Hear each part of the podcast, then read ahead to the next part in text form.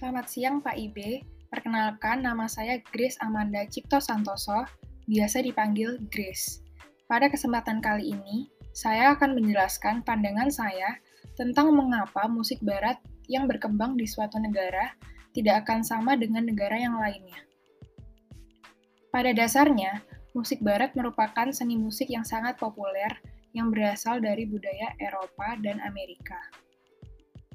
Adanya perbedaan musik barat di setiap negara dikarenakan karena adanya perbedaan budaya, salah satunya alat musik. Setiap negara tentu memiliki ciri khas alat musik yang berbeda, sehingga menghasilkan perpaduan instrumen yang berbeda dan unik untuk menjadi sebuah melodi yang indah. Selain itu, adanya perbedaan musik di setiap negara juga dikarenakan era yang terus berubah-ubah.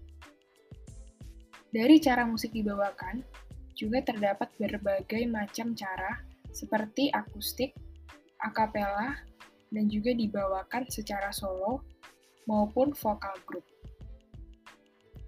Perbedaan dan perkembangan musik barat juga didukung oleh tren, selera, dan juga tradisi budaya yang ada.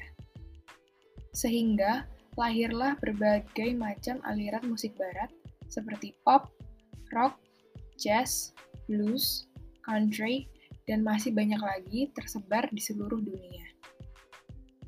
Sekian jawaban saya tentang mengapa musik barat yang berkembang di suatu negara tidak akan sama dengan negara yang lainnya.